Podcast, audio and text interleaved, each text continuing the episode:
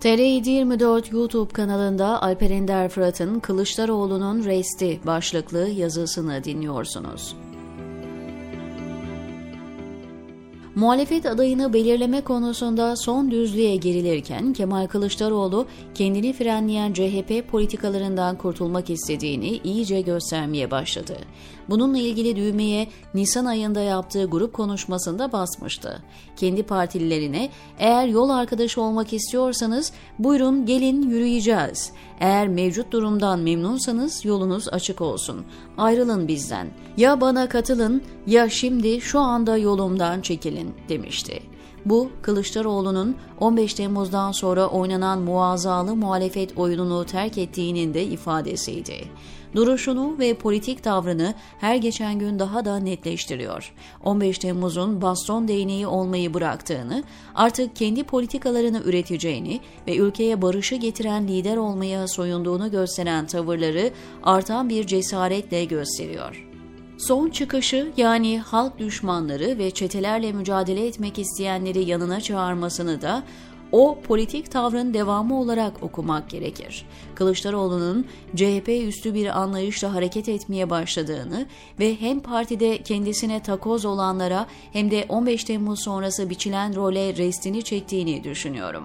CHP lideri 15 Temmuz Truman Show prodüksiyonunda görevli miydi yoksa tehditle mi sistemle uyumlu hale geldiği bilemiyorum.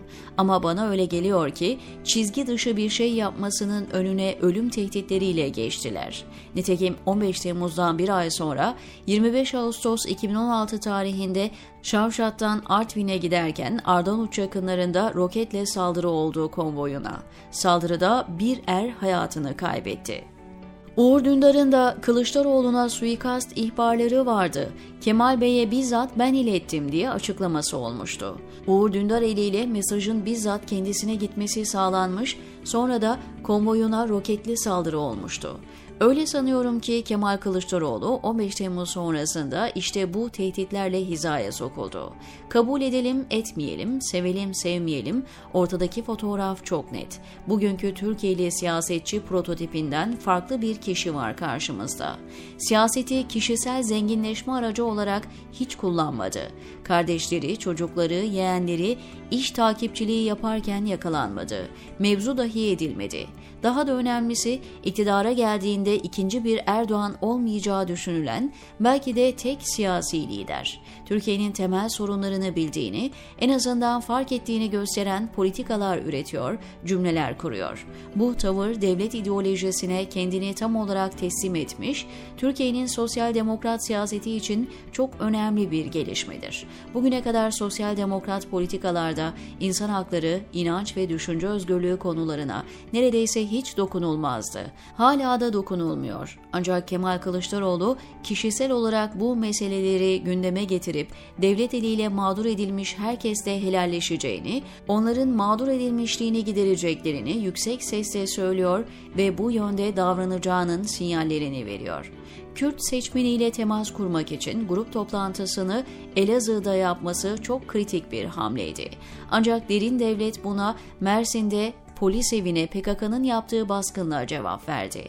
Üstelik saldırıyı yapan da 11 yıl önce CHP'nin hapisteki gazeteciler raporunda ismi geçen Dilşah Ercan. PKK durup dururken niye tekrar ortaya çıktı hem de seçim harifesinde. Kürt meselesinin işte böyle de bir tarafı var. Sorunu çözmek için elinizi uzattığınızda birisi elinize bombayı tutuşturuveriyor o taraftaki aktörler içinde kimin eli kimin cebinde olduğu belli olmadığı, at iziyle it izi at başı gittiği için atacağınız her adımı size yedirmeleri riski var. Söz konusu risklerin üstesinden ancak cesur ve kararlı adımlarla gelmek mümkündür. Kılıçdaroğlu kendi mahallesinin ağa babalarına da resti çekip farklı bir siyasete yelken açtığını beyan ediyor. Kılıçdaroğlu'nun CHP üstü bir siyasi tavır içine girmesi, ülkenin temel sorunlarının üzerine cesaretle gitmesi elbette çok önemli. Ancak bu çıkışın başka sac ayaklarının da olması gerekir. Bağımsız medya, cesur yargı, namuslu bürokrasi gibi destekleyenleri de olmalı mutlaka.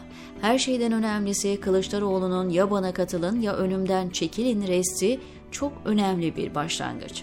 Bir de tabii Türkiye siyasetinin yurt dışı ayağı var. Kılıçdaroğlu'nun önümüzdeki günlerde ABD'ye yapacağı seyahatin politikanın evrileceği yönü göstermesi bakımından önemli bir gelişme olduğunun altını çizmekte fayda var, diyor Alper Ender Fırat, TR724'deki köşesinde.